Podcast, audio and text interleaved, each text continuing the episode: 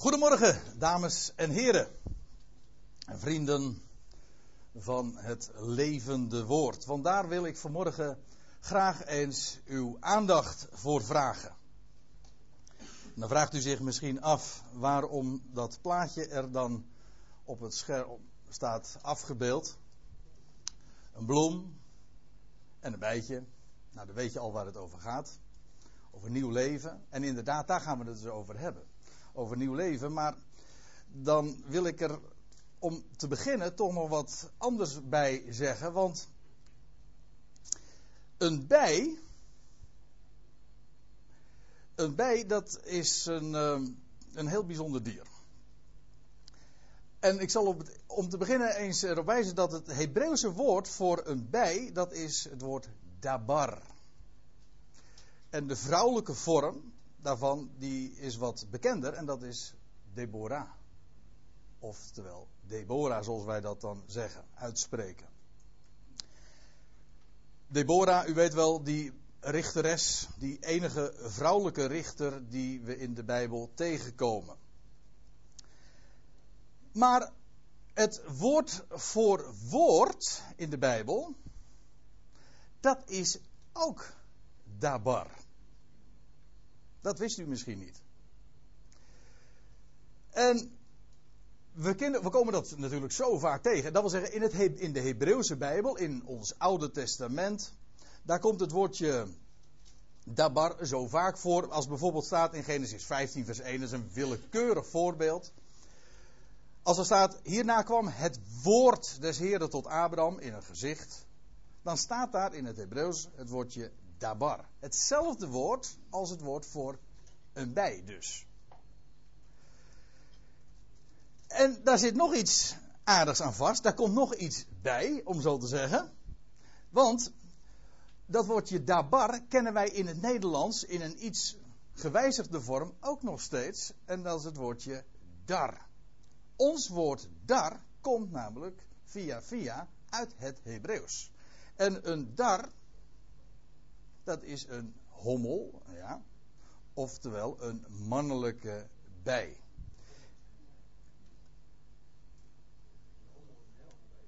Is dat zo? Volgens mij is een, eh, een hommel een mannelijke bij. Maar, hou me ten goede, ik ben geen imke. Dat is hommelus. Uh... Dat is hommelus, ja. Als we... Bij. Hommel is een wilde bij. Oh, dat zou heel goed kunnen hoor. Ik, ik, dat, dat is een hele grote. Ja. Oké. Nou. Ja. Nou, laten we dat woordje hommel dan maar even uh, voor wat het is. Ja. Uh, in ieder geval, een dar, dat is een mannelijke bij. En de, de grap daarvan, want het is wel ook een heel uh, leuk fenomeen. Dat is dat we op twee manieren ook nog het werkwoord daarvan in de Nederlandse taal tegenkomen. In de eerste plaats het woordje darren. En darren, dat zit niet te darren, dat wil zeggen, uh, je, iemand die een beetje aan het darren, die doet eigenlijk niks. Die is niet aan het werk. En dat is wel leuk, in het, uh, want in, in het bijenvolk is het namelijk zo dat een dar, uh, ja, wat doet die? Nou, die dart maar een beetje. Die heeft eigenlijk, in tegenstelling tot de, tot de werksters, het grootste gedeelte van het bijenvolk, geen functie. Behalve dan dat ene, en dat is zaad voortbrengen. Oftewel, nieuw leven. Dat is het enige wat, waar een dar goed voor is, zeg maar. Nieuw leven voortbrengen. We kennen het trouwens, die betekenis van dat leven en dat nieuwe leven komen we ook nog in een ander woord tegen en dat is dartelen. En ik, zag, en ik zag, zocht dat eventjes op in het woordenboek en toen zag ik daarbij staan, dartelen, dat is huppelen, springen, spring, spring, hm, nieuw leven, lente, opgewekt zonder zorgen door het leven gaan. Dat is dartelen. Heeft allemaal dus een afgeleide betekenis. En dat wil zeggen afgeleid van het woordje dabar. Als je het helemaal even terugbrengt naar zijn oorsprong. Naar die dar dus. De dar. Het woord, de bij. Maar de grap, of nou dat is niet grappig, maar het is wel heel eigenaardig. Een dar, die komt voort uit een onbevrucht ei. Dat wil zeggen, die, in, de, in de biologie noemen ze dat fenomeen parthenogenese. Dat is een moeilijk woord, maar in de biologie is het een heel bekend fenomeen. Want het is niet alleen eh, een fenomeen dat plaatsvindt bij bijen, maar ook bij andere dieren, bij bladluizen geloof ik, en bij wandelende takken, met name dus insecten. Maar parthenogenese betekent letterlijk, het is een Grieks woord, partheno betekent maagd of maagdelijk, en genese betekent voortbrengen, oftewel geboorte. Maagdelijke geboorte. Een dar komt, daar komt geen vader aan te pas, maar die komt tot stand, zeg maar, die komt voort uit een maagdelijke geboorte. Dat is karakteristiek voor een dar. Ik denk, tussen twee haakjes, dan natuurlijk meteen aan het woord, aan degene die met recht de dabar is. Die ook inderdaad vlees is geworden. Het woord dabar is vlees geworden. Maar hoe kwam hij tot ons? Inderdaad, door via parteno genezen. Maagdelijke geboorte. Zal ik u op nog iets wijzen? Want dat verhaal van een bijenvolk is heel apart. Ik heb daar wel eens het een en ander over gelezen. En ik zou er graag nog eens wat meer kennis van willen nemen. En dan zou ik het ook graag nog eens een keertje een Bijbelstudie. Voor zover je dat dan nog een Bijbelstudie kunt noemen. Het is meer een, gecombineerde studie van zowel de schrift als de natuur. Maar ja, ik ga er toch vanuit in wezen spreken die zowel de, de schriftuur als de natuur spreken één en dezelfde taal. Komt namelijk allemaal voort uit die ene God. Dat is logisch. Maar als we het er daar nog eens een keertje uitgebreider over hebben, dan zou ik gaan, gaan vertellen over de bruidsvlucht. Dat in het najaar gaat, gaat de koningin van zo'n bijenvolk, vliegt dan naar grote hoogte en dan komen de darren daar achteraan. En die, krijgen dan, die hebben dan hun functie. En die bevruchten de koningin van, de, van dat bijenvolk, daar op grote hoogte. En als die darren dan na die bruidsvlucht dan weer terugkomen naar de kast, naar die bijenkorf, dan worden ze allemaal bij, het, bij de poort, bij de ingang van, van die kast, worden ze allemaal afgemaakt. Of weggejaagd. Dat noemen ze in de, in, het, in de bijentaal, zeg maar, de imkers, die spreken dan over de darreslacht. Heel eigenaardig is dat. Dus nadat het nieuwe leven is voortgebracht, wordt de dar vervolgens bij de poort, in de Bijbel ook altijd een beeld van de plaats waar de heerschappij plaatsvindt, waar de ins en outs geregeld worden. We hebben daar bij een eerdere gelegenheid al eens een keertje over gehad. Toen Boas in de poort zat, weet u nog wel. Dat wil gewoon zeggen dat hij de heerschappij had. Of in ieder geval een bestuurlijke functie. Nou, in ieder geval, die, die darren die, die bij de poort worden ze in wezen weggejaagd. Dat is precies ook wat er met het woord is gebeurd.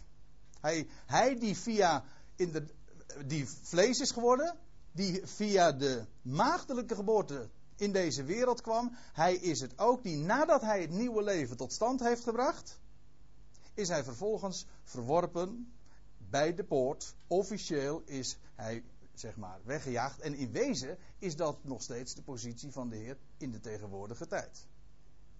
Dat wil zeggen, er is geen plaats voor hem bij het volk. En dan mag u onder het volk Israël verstaan, maar u mag het voor mij ook in dit geval breder opvatten, namelijk de hele wereld. Er is geen plaats voor hem in deze wereld, maar de essentie is gebeurd. Want de grap is, dat, dat is nou heel eigenaardig, want die koningin die is namelijk bevrucht voor het leven. Die bewaart dat zaad en die kan dat vier, vijf jaar bewaren totdat, ze, totdat, totdat die koningin dan sterft. En voor die ene keer is ze dus bevrucht voor, uh, voor goed. Dus. Nou, het nieuwe leven is nu tot stand gekomen. Dabar. Wel, daar wilde ik eventjes op wijzen, als, als we het hebben vanmorgen over het levende woord. Want dit is gewoon zo'n typische illustratie die we in de natuur tegenkomen. Dabar, het woord, nieuw leven, waarvoor geen plaats is in deze wereld. Oh ja, dat was nog, zo'n plaatje waarin een darreslacht gezien wordt, getoond wordt. Waarbij de dar, zeg maar, doodgestoken wordt. Oh ja, dan moet ik er natuurlijk nog even op wijzen dat een bij, dat is nog het, misschien wel het belangrijkste wat ik erover moet vermelden, een bij produceert honing. Ja, En waar is honing een beeld van in de Bijbel? Nou, gewoon van de schrift. Meer dan eens, moet ik zeggen. Maar het bekendste voorbeeld vinden we in Psalm 19. Daar gaat het over de Torah, over de schriften, over het onderwijs van God. En dan staat er: kostelijker zijn zij dan goud. En dan staat erachter: en zoeter dan honing. Ja, dan honingzeem uit de raad. Dat is de schrift.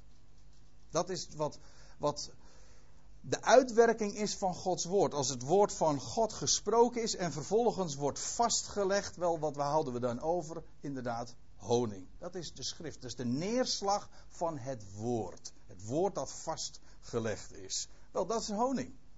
Geproduceerd door, dus door Dabar. Laten we vanmorgen eens een aantal schriftplaatsen de revue passeren waarin dat zo naar voren gebracht wordt. Om te beginnen. Johannes 1. Ik verwees er al even naar, naar dat schriftgedeelte, maar er staat in Johannes 1, in vers 1 begint dan met in de beginnen was het woord en het woord was bij God en het woord was God. Dit was in de beginnen bij God. En dan staat er in vers 3, alle dingen, dus het heelal, tapanta, het, het heelal, elke creatuur, alle dingen zijn door het woord geworden. En zonder dit is geen ding geworden dat geworden is. Waarmee dus gezegd wil zijn, heel de schepping komt voort uit het woord. En in het woord was leven. Het levende woord. In het woord was leven, het leven was het licht der mensen. Maar let even op, alle dingen zijn door het woord geworden. Dat, dat zien we in, het, in, in, in Genesis 1 ook meteen geïllustreerd en bewezen. Want hoe, hoe is het? En God is het die een woord spreekt, maar dan gebeurt het ook. Want ik vertelde u, dan moet ik er eigenlijk ook even bij zeggen, dat woordje dabar, hè? dat woord dabar, dat betekent bij. Maar het is ook het woord voor woord. Maar het is in het Hebreeuws ook het woord voor daad. Ja, echt. Bij ons zijn er twee verschillende woorden: woorden en daden. Hm? Maar in het Hebreeuws, in, het, in de taal die van de overkant komt, in de taal van God zelf, want dat is het Hebreeuws. In het, in het Hebreeuws is woord en daad één. Er is geen verschil. Als God spreekt, dan gebeurt er ook wat. Er staat in Psalm 33, vers 9. Want hij sprak en het was er. Hij gebood en stond er. Zijn woord is ook altijd zijn werk. Daarom is het. Alles komt voort uit het woord. Vandaar ook dat de schepping de taal spreekt van het woord. Eigenlijk is de hele schepping draagt het DNA, om zo te zeggen, van het woord. Het komt er namelijk uit voort. En vandaar ook dat als je een bepaald schepsel of creatuur bestudeert, dan herken je de schepper erin. Dan herken je het woord erin. Dan herken je Dabar erin. En dan hoef je je echt niet te beperken tot een bij en honing, want heel de schepping spreekt diezelfde taal en verwijst op de een of andere wijze altijd inderdaad naar het woord. En het woord is weer de uitdrukking van God. Dabar. Hè? Het woord, de logos, de uitdrukking van God. Alle dingen zijn door het woord geworden. Zonder dit is geen ding geworden dat geworden is. En in het woord was leven. En dat leven, dat is het licht van de mensen. En er staat er nog even verder in datzelfde Johannes 1. Het waarachtige licht dat ieder mens verlicht was komende in de wereld zodat je hier ziet, dat woord is leven. Dat woord is licht, maar licht en leven is in de Bijbel ook vaak min of meer synoniem, want licht is leven. Er bestaat ook geen leven zonder licht trouwens. Maar licht heeft te maken ook, ja, dat is het contrast van duisternis. Licht, duisternis staat ook weer voor de dood. Wel nu, hij in het woord was leven. En dat woord sprak. Dat, dat, dat gaat allemaal over leven. Het, het, het brengt ook het leven voort. Wel, Dat waarachtige licht dat ooit in de wereld is gekomen, dat staat ervoor garant dat elk mens verlicht wordt. De ogen open zullen gaan. Het leven zullen zien. Want dat is namelijk de doelstelling van dat waarachtige licht.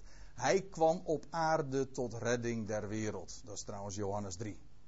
Zo ziet u, niet alleen de apostel Paulus spreekt ervan, nou hij expliciet, maar je vindt het dezelfde waarheid ook elders op een meer verborgen wijze in de schrift. Net zo goed. We bladeren even door. We gaan naar, door naar Johannes 6. In Johannes 6, daar heeft de Heer Jezus een lange reden gehouden. Net nadat hij dat wonder had verricht van de wonderbare spijziging, daarbij het meer van Genezaret. En dan op een gegeven moment heeft de Heer uh, na afloop daarvan een, een reden gehouden en die was erg hard.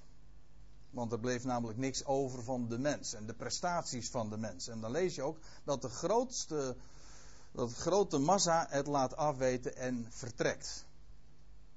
En dan is de Heer Jezus uiteindelijk blijft achter met een klein clubje van, van zijn discipelen nog. En dan zegt de Heer Jezus, willen jullie nou ook niet weggaan? En dan zegt Petrus, tot wie zouden wij heen gaan? Tot wie anders zouden we heen gaan? U hebt woorden van eeuwig leven. Leven dat hoort bij die toekomende eeuw. Leven dat sterker is dan de dood. U hebt die woorden. En dan gaat de Heer Jezus daarop in. En dan zegt hij. Ik val even midden in, dat, in, in dat uh, antwoord wat hij dan geeft. Dan zegt hij: De geest is het die levend maakt. Het vlees doet geen nut. En daarmee wordt de mens gewoon neergezet. Het vlees doet geen nut. Dat wil zeggen, van de mens is het niet te verwachten. Zeker niet als het gaat om de essentie. Dan is het zo dat de mens gewoon altijd per definitie teleurstelt. Niet alleen de ander, maar jij zelf ook. Toch? De vlees doet geen nut. De woorden die ik tot u gesproken heb, zijn geest en leven. Let op, de woorden die de Heer Jezus sprak, dat was geest en leven. Wat trouwens ook synoniem. Want geest is namelijk leven. Als je de geest ontvangt, ontvang je leven. Net zo goed als als je de geest geeft, ja, dan ga je dood. Dan, ben je, dan sterf je. Van dat woord is alles te verwachten. Van dat woord van God. Er wordt vandaag heel uh, zweverig dikwijls gedaan over die geest en over spiritualiteit. Dat zijn termen die vaak langskomen. En mensen hechten daar waarde aan. En terecht. Spiritualiteit. Maar waarin is nou die, die geest gelegen? Dat is geen kwestie van trance of van extase of van allerlei charismatische happenings. Nee, weet u wat waar de geest is? Wat, ge wat geest is? Dat is het woord. Maar ik kan het nog anders zeggen. Wie geest is. Dat woord dat bruist van geest. Dat woord bruist van leven. Want het, het spreekt niet alleen van leven. Het maakt ook levend. Dat staat hier ook. Hè? De geest is het die levend maakt. Ja, dat is het woord. Maar wie is nou die levendmakende geest? Zullen we de apostel Paulus het antwoord laten geven? 1 Korinthe 15. Daar staat het in vers 45. Daar wordt Adam geplaatst tegenover de laatste Adam, de Heer Jezus Christus. Al dus staat er ook geschreven, zegt Paulus dan in, in dat hoofdstuk, over de opstanding. Al dus staat er ook geschreven, de eerste mens, Adam, werd een levende ziel. De laatste Adam, een levend makende geest. Kijk. En dan heb je meteen de link ook gelegd met Johannes 6. De geest is het die levend maakt. Uiteindelijk blijkt dat gewoon het woord te zijn. Oftewel de laatste Adam. Hij is het. Hij is dat woord zelf. Het woord is maar niet alleen dat wat God spreekt, maar het is iemand. En daarom ook de levende, want het is namelijk degene die van zichzelf ook zegt: ik, ik ben de opstanding, ik ben het leven. Hij is het die levend maakt. En zelfs al het leven dat we hier kennen, Zoals de hele schepping komt voort uit het woord, maar ook het, het gewone biologisch leven komt ook voort uit het woord. Maar dat is nog maar vergankelijk. Maar hier gaat het dus over dat onvergankelijke leven dat het woord voortbrengt. We gaan nog eventjes doorbladeren en nu komen we bij dat schriftgedeelte wat Huip zojuist heeft voorgelezen. 1 Johannes 1.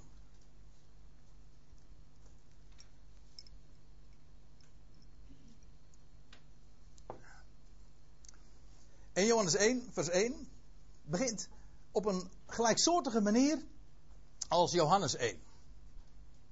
Daar staat: Hetgeen was van den beginnen, hetgeen wij gehoord hebben, wij, dat zijn de apostelen, de ooggetuigen, hetgeen wij gehoord hebben, hetgeen wij gezien hebben met onze eigen ogen, hetgeen wij aanschouwd hebben, dat is nog sterker, en onze handen getast hebben van het woord des levens. Het levende woord. Het gaat hier over het feit dat de apostelen ooggetuigen zijn geweest. Niet alleen maar gehoord hebben, maar ze zijn ooggetuigen geweest. Ze hebben zelfs met hun handen getast het levende woord. Het verwijst hier uiteraard naar de dag van de opstanding en de dagen daarna. Dat zij ooggetuigen daarvan zijn geweest. Dat zij het hebben gezien dat de steen was weggewenteld.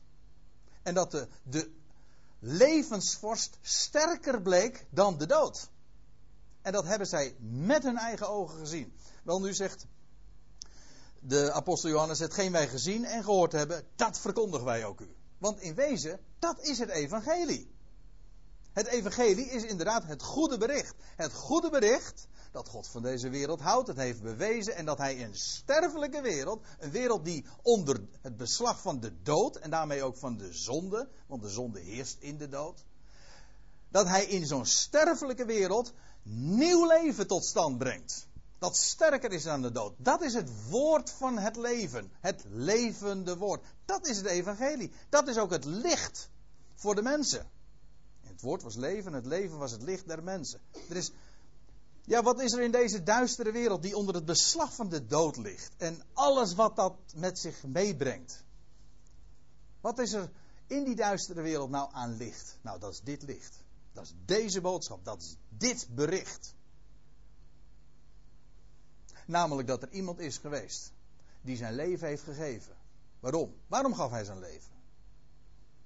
Waarom stierf hij? Wel, om te kunnen opstaan uit de doden en daarmee sterker te zijn dan de dood. Wel, dat is het woord van het leven. Dat is in wezen de boodschap. En indien Christus niet is opgestaan, hm? ja, dan is onze boodschap ijdel, zonder inhoud. Oftewel, wat is de inhoud van onze boodschap? Nou, dat Christus is opgestaan. Want dat verandert in één klap alles. Het levende woord, het woord des levens. En zegt Johannes er dan nog bij in vers 4. En deze dingen schrijven wij opdat onze blijdschap volkomen zij. Want er is niets wat een mens zo verlicht, ook zoveel vitaliteit geeft, als juist deze boodschap. Een boodschap van de, eh, de dood die is overwonnen. Nog niet te niet gedaan, dat is waar, dat is nog toekomst, maar de dood is al overwonnen. En dat verlicht de mens. Dat doet de mens ook stralen. En dat is, dat, wat is nou de boodschap die wij hebben voor de wereld? Nou, die weggewentelde steen. De levende God. Die een redder is inderdaad van alle mensen. Maar waar redt hij dan van? Waar zou de levende God nou van redden? Van de dood natuurlijk. Dat is precies wat hij doet. Hij gaat het leven geven.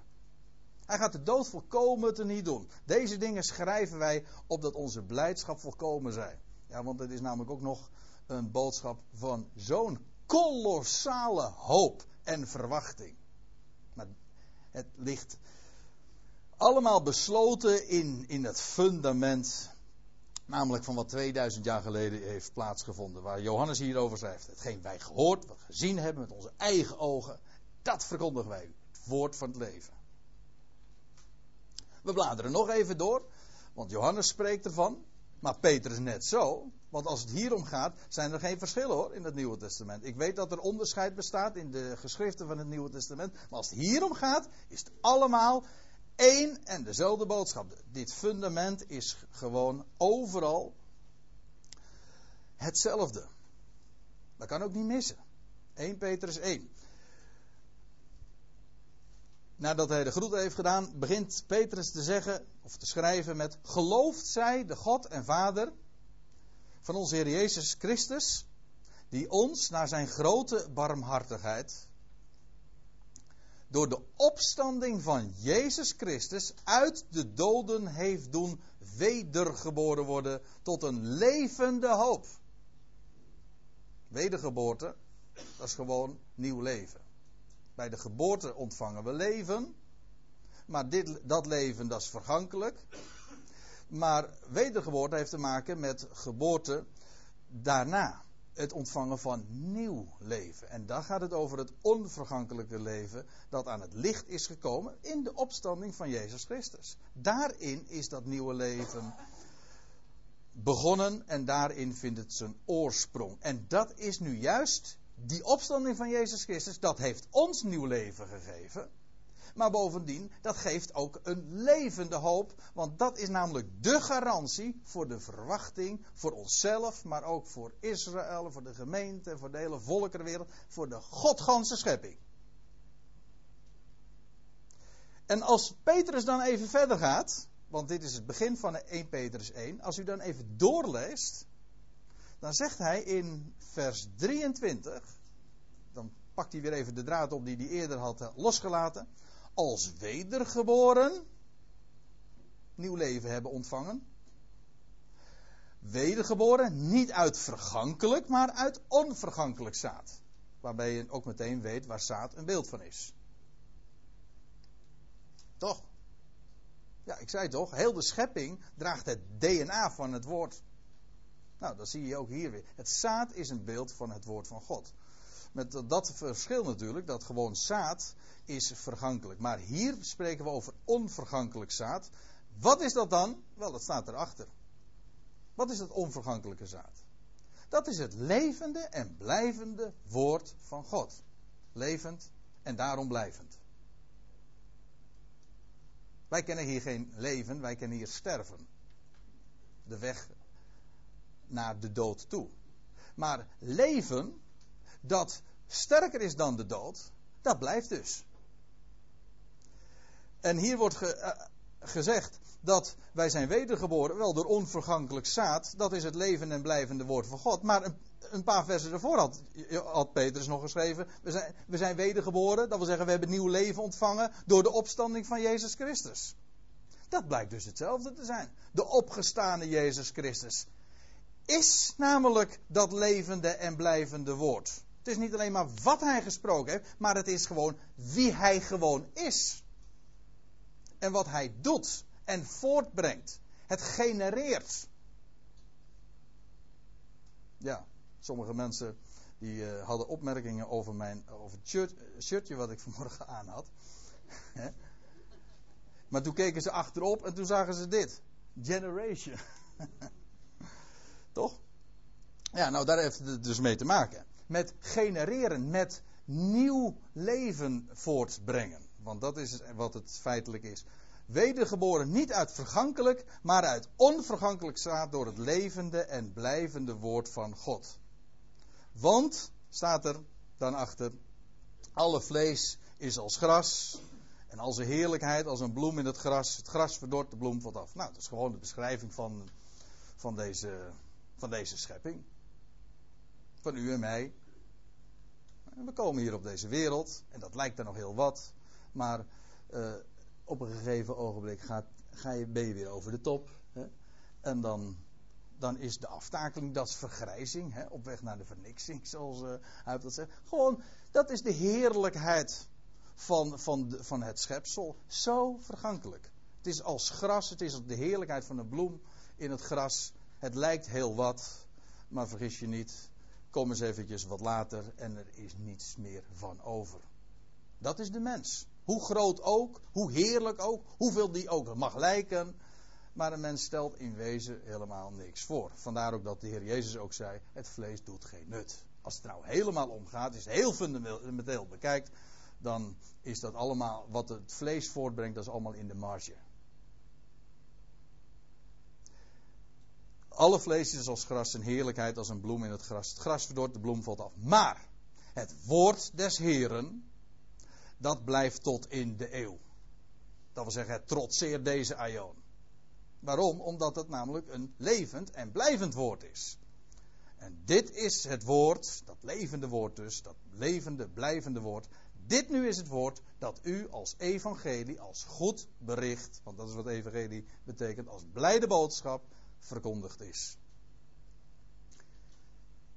We gaan nog wat verder. We hebben het over het levende woord. Ik ben niet compleet vanmorgen.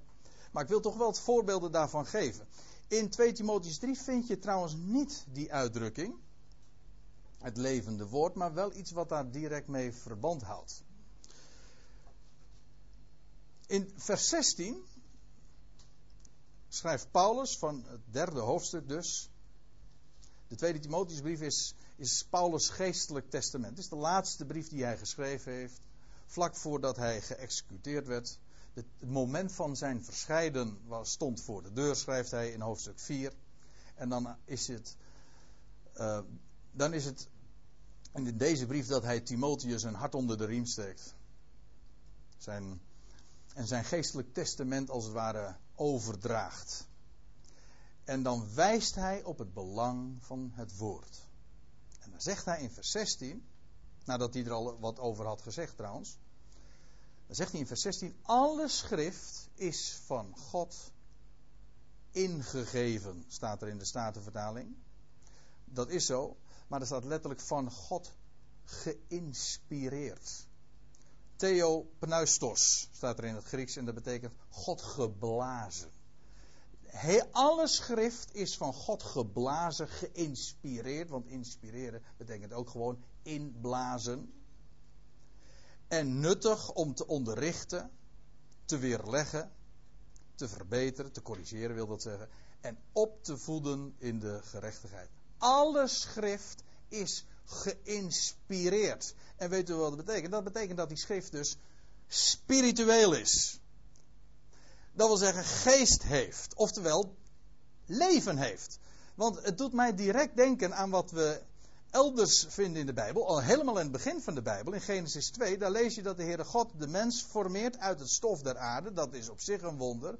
Maar toen de mens als het ware geformeerd was, toen was hij nog steeds niet levend. Nee, daar moest nog iets gebeuren. Want er staat er, en in zijn neusgaten. De Heere God had de mens geformeerd uit het stof der aarde, ja en in zijn neusgaten geblazen. Dit is Statenvertaling. Als ik me goed herinner, ja. En in zijn neusgaten geblazen de adem van het leven, de geest van het leven. En al zo werd de mens een levende ziel. Dus omdat God in die mens blaast, werd de mens een levende ziel. Ingeblazen. Wel, zo is de schrift ook ingeblazen. Maar omdat de schrift is ingeblazen, geïnspireerd, is het ook een levend woord. Kijk, je kunt van die schriften zeggen dat het uh, op, een, op een zo verschillende manieren tot ons is gekomen. Er staat in Hebreeën 1 dat God eertijds op velelei wijzen en op velelei manieren en velelei tijden ook tot de mens gesproken heeft, tot het volk Israël in het bijzonder gesproken heeft. Dat is waar. Kijk, die schriften zijn geschreven gedurende vele eeuwen, gedurende zelfs duizenden jaren. Het boek Genesis alleen al is, uh, is eigenlijk de compilatie van, van een heel aantal uh, documenten. De aartsvaders hebben zelf hun, hun, uh, hun, hun verhaal zeg maar geregistreerd. Moeten we ook nog maar eens een keertje een, uh, een bijbelstudie aan wijden. Hoe het boek Genesis ontstaan is. Nou ja, uiteindelijk is het Mozes geweest die het heeft samengesteld. De redactie heeft gevoerd over, over dat boek. En zo is, is de Bijbel ontstaan. Hier een boek, daar een document, daar wat kleitabletten. Gedurende vele duizenden jaren. En op tal van plaatsen is het zo ontstaan. In Egypte, in Israël, in Mesopotamië, Italië, Griekenland, noem maar op. Vele, vele eeuwen, vele plaatsen en dan nog ook door allerlei soorten mensen. Door koningen is het geschreven, door boeren, door vissers, maar ook door artsen, door kwekers, door priesters enzovoort. Die schriften, als je het van menselijk standpunt uit bekijkt, dan zeg je van het is een. Ja, dus het is geen boek. De Bijbel is geen boek. Nee, de Bijbel is gewoon een bibliotheek. Het is een hele verzameling boeken die in de loop der tijden op zoveel plaatsen is ontstaan en bij elkaar gebracht zijn. Inderdaad, door de bevoegde instanties, door de priesters, Ezra, wat het Oude Testament betreft. En Paulus is degene die het Nieuwe Testament uiteindelijk heeft gecompleteerd. Afijn. Maar die schriften, hoe gevarieerd ze ook zijn, en in menselijk opzicht zou je zeggen van ja, nou ja, en zo wordt er ook tegen aangekeken. Mensen staren zich daarop blind. Ze zeggen van ja, die, Bijbel die is geschreven in zoveel honderden, zoveel duizenden jaren. En, en, en door zoveel verschillende mensen. Wat, wat, wat, verwacht je daarvan? Dat is, een, oud, uh, dat is een, een verzameling van oude documenten. Ja. Maar het wonder van die Bijbel is dat het een eenheid vormt. En dat is nu juist het, het het typerende van de schrift. Heel de schrift. Kijk, je kunt zeggen van het, is, het zijn de heilige schriften, meervoud, dat wil zeggen het zijn allerlei documenten, het zijn allerlei geschriften, verschillende auteurs, dat is waar, maar uiteindelijk is er maar één auteur en daarom heet het ook de heilige, het heet, als je het vanuit menselijk standpunt bekijkt, zijn het de heilige schriften. Maar als je het vanuit Gods standpunt bekijkt, dan is hij de ene auteur en dan is het gewoon de Heilige Schrift. En dan zegt de Heer Jezus: de Schrift, enkelvoud, kan niet gebroken worden. Het is een eenheid. Het is net als met die puzzel waarbij alles zo in elkaar past. De ene schrift legt ook de andere uit. Daaruit blijkt ook die eenheid. Ik bedoel, die auteurs die hebben nooit met elkaar kunnen confereren of kunnen afspreken hoe ze dat nou eens een keertje zouden doen. Nee, het is van boven afgeleid en daarom is die schrift ook een eenheid. De ene schrift legt de andere uit. Peter zegt het ook. Wetende dat geen profetie der schrift, geen godspraak in de schrift, is van eigen uitlegging. Weet u wat dat betekent? Dat betekent gewoon dat geen profetie van eigen uitlegging is. Dat betekent dat de pro, nog anders gezegd, dat de profetie van de schrift niet zichzelf uitlegt. Hoe dan wel? Wel, de ene profetie van de schrift legt de andere profetie van de schrift uit. En zo moet je in Genesis wezen, of in Daniel, om openbaring te begrijpen, of moet je in Matthäus 24 zijn, om Daniel 9 te begrijpen. Ik noem zomaar willekeurige voorbeelden. Maar heel de schrift vormt een eenheid. En het zijn allemaal puzzelstukjes die bij in elkaar passen. En de ene schrift legt de andere uit. En die eenheid is juist het godswonder. Waarbij ik ook moet zeggen dat al die plaatjes, want in wezen is de Bijbel gewoon een groot platenboek. Ja, daar staat, en dan bedoel ik niet uh, uw Rembrandt-Bijbel. Nee, gewoon een Bijbel. Gewoon allemaal lettertjes. Zwart, zwarte lettertjes op een witte pagina. Maar in wezen zijn het allemaal plaatjes. Al die verhalen, of je het over Simpson hebt, of over, of over Jozef, maar ook de, de voorschrift over het altaar en over de tempel en over het wasvat en over de offers, kan niet schelen. Alles, het zijn allemaal van die verschillende plaatjes en afbeeldingen. Maar wat, ik zo mooi vind aan die Bijbel, dat het in wezen, het is geen, het is geen fotoboek, het, het zijn maar geen losse, het zijn geen losse plaatjes. Nee, al die plaatjes, die vloeien in elkaar over en daarom heb ik eventjes dat, dat, dat beeld erbij gevoegd van een film. Een film, dat zijn eigenlijk in wezen ook allemaal plaatjes. Ja, maar het bijzondere van die plaatjes is dat wanneer je ze achter elkaar bekijkt, dan komt het ineens tot leven. Ze vloeien namelijk in elkaar over. Dat is met de Bijbel ook zo. Al die plaatjes, ze vloeien in elkaar over. Om niet zo lang geleden heb ik gesproken over uh, een, een, studie, een korte studie gegeven over de, de weggewentelde steen. Nou, dan had ik het over, over de steen bij Jacob die hij wegwentelt. En uh, toen ging het over de steen die van de berg rolde in het boek van Daniel. En over de steen die werd weggerold voor de leeuwenkuil. En dan blijkt het allemaal van de ene steen rol je met recht in de andere steen. En uiteindelijk heeft het maar één onderwerp. Verwijst allemaal naar wat er op die ene morgen is gebeurd. Vroeg in de morgen. Dat de steen, de steen werd weggewenteld. En zo zie je al die plaatjes. Dit is één willekeurig voorbeeld. Maar al die plaatjes. Die staan niet op zichzelf. Ze, ze vloeien inderdaad in elkaar over. Waardoor een levend, namelijk een bewegend beeld ontstaat. Nou, dat is de schrift. Het is een eenheid. De schrift is een eenheid, een levende eenheid. En vandaar ook, alle schrift is van God geïnspireerd. Het leeft. Hebreeën 4 zegt het ook. Want het woord van God is levend en krachtig. Kenmerk van leven is juist ook dat het kracht heeft. Hier staat in het Grieks het woordje energie trouwens. Wat is leven? Nou, dat is energie. Zoals dood het ontbreken van enige energie is. En sterven is het afnemen van die energie. Het afnemen van de vitaliteit. Maar het woord van God is power. Het is kracht. Het is energie. En het is bovendien scherper, staat er nog bij, dan enig tweesnijdend zwaard. En het dringt door zo diep dat het van één scheidt ziel en geest. Het woord van God is een zwaard. Dat is ook niet iets om te verdedigen. Het stomste wat je ooit kan doen. Ik heb, ik heb het vaak genoeg gedaan. Maar moet je nooit doen. Je moet het woord van God niet verdedigen. Weten we waarom niet? Omdat het woord van God namelijk een zwaard is. Het is niet iets om te verdedigen, maar het is juist om iets mee te verdedigen. Spreek het woord. Zeg maar, er staat geschreven. Maak maar, gebruik dat woord en dan zal het zijn kracht, zijn scherpte, het leven, het goddelijke karakter zelf bewijzen. Dat moeten wij niet doen.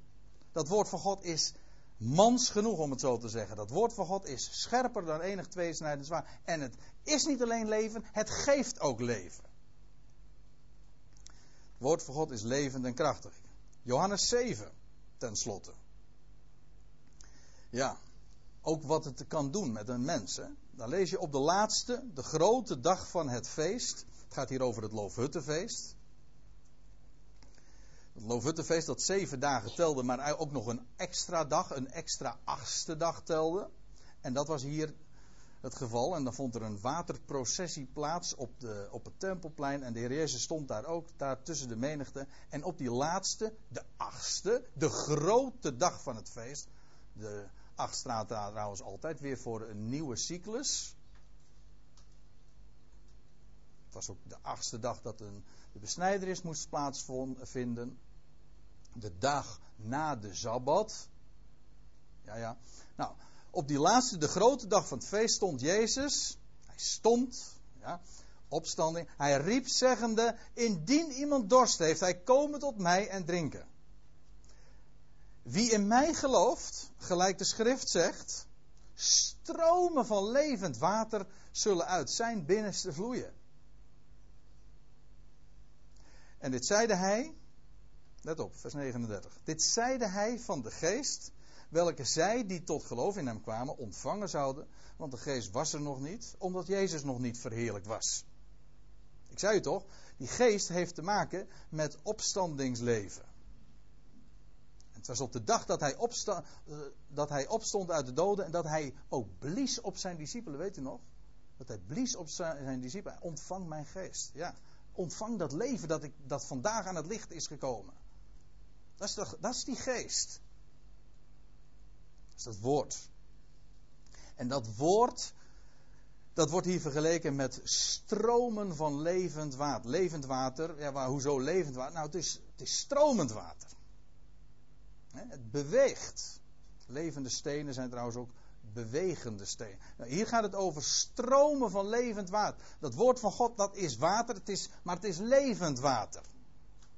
En wie van dat woord ontvangt, wat hier staat, wie in mij gelooft, gelijk de schrift zegt, wie dat woord van het leven, wie dat gelooft, wie dat aanvaardt, waarvan als je ogen daarvoor geopend worden, want het is God die dat doet, als God je ogen opent, en als hij je oren opent, zodat je verstaat dat woord van het leven, Wel, wie in mij gelooft, gelijk de schrift zegt, stromen van levend water zullen uit zijn binnenste vloeien. Je ontvangt dat leven, maar weet je wat de uitwerking is?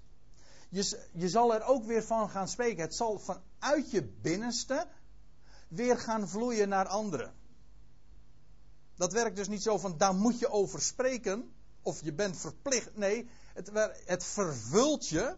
En u weet toch hoe het er is, hè? Als het hart ergens vol van is, dan stroomt de mond daar vanzelf van over.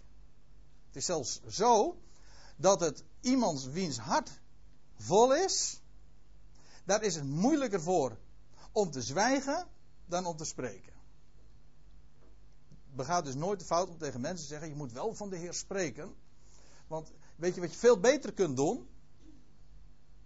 Drinken van het levende water. Gewoon drinken van het leven. Neem het tot je. Geloof dat woord. Dat woord van het leven. En dat heeft de werking in, inderdaad van wat hier staat. Gelijk de schrift zegt, stromen van levend water zullen uit zijn binnenste vloeien. Doe dat ook, laat je ook niet de mond snoeren hoor. Door mensen. Er zijn er genoeg die dat doen. Die zich de mond laten snoeren, die bang zijn voor anderen. Ja, past niet in de religie natuurlijk. Hè? Van een God die om niet deze wereld lief heeft en die de dood teniet doet. Volkomen teniet doet. Aan elk mens verlicht. Dat kan toch niet? Dat zal maar makkelijk wezen. Maar juist dat is zo'n geweldig woord. Dat is namelijk het evangelie. Dat is het goede bericht. Wat inderdaad je doet stralen en waardoor je hart vervuld wordt. Dat is, wat het woord van God is. Het is levend woord. En neem het tot je en je zult erdoor vervuld worden. En je zult er vanzelf ook van gaan spreken. Stromen van levend water zullen uit zijn binnenste vloeien.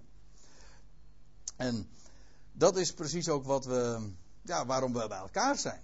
Waarom je van dat woord neemt. Dat, dat woord van God heeft zo'n enorme potentie, zo'n enorme vitaliteit, zo'n enorme kracht en zo'n power. Er is niets daarmee te vergelijken. Daar kan een mens ook niks aan toevoegen. Daar kan een mens ook niks aan afdoen. Neem dat woord gewoon puur tot je. Laat het niet vermengen met allerlei mensenwoord. Dat hoef je ook niet mooi te maken. Je hoeft het ook niet te verdedigen. Neem het tot je. En het zal zijn kracht inderdaad bewijzen. gelijk de schrift zegt. Stromen van levend water zullen uit zijn binnenste vloeien. Geweldig dat we zo'n woord van leven mogen hebben. Amen.